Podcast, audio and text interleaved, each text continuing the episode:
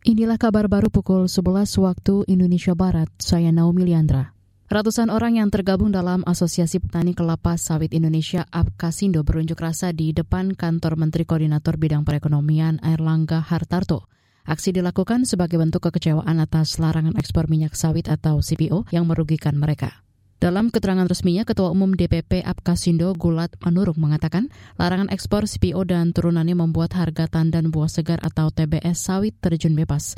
Mereka menuntut pemerintah bisa mempertimbangkan atau memberi solusi atas kerugian yang petani alami. Menurut Gulat, petani juga meminta pemerintah mensubsidi minyak goreng kemasan sederhana. Selain itu juga meminta adanya regulasi terkait 30 persen pengelolaan kebun sawit domestik oleh koperasi.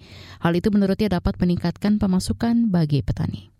Menteri Pariwisata dan Ekonomi Kreatif Menparekraf Sandiaga Salahuddin Uno berencana mengajak tamu negara dalam kegiatan KTT G20 November mendatang ke Galeri Bali Waste Cycle. Sandi mengatakan daur ulang sampah menjadi kerajinan yang menarik banyak perhatian sekaligus menunjukkan keseriusan Indonesia dalam menangani masalah sampah.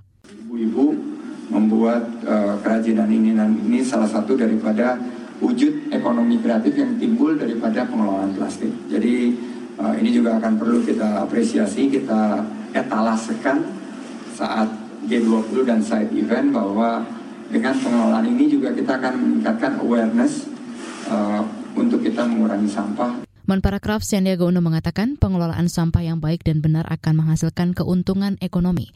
Ia berharap dengan semakin banyaknya tempat-tempat pengelolaan sampah seperti Bali Waste Cycle, target penurunan sampah sebanyak 30 persen bisa tercapai pada 2025.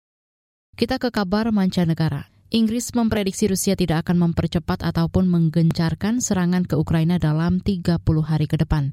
Dilansir dari Reuters, dalam rilis Kementerian Pertahanan Inggris mengatakan Rusia telah gagal mendapat capaian wilayah yang berlanjut di Donbas, Ukraina Timur. Sejak invasi Rusia pada 24 Februari lalu, militer Ukraina telah memaksa komandan-komandan militer Rusia meninggalkan target ibu kota Kiev. Namun pemerintah Rusia belum menanggapi potensi kegagalan mereka dalam invasi Ukraina secara resmi. Demikian kabar baru KBR, saya Naomi Liandra undur diri.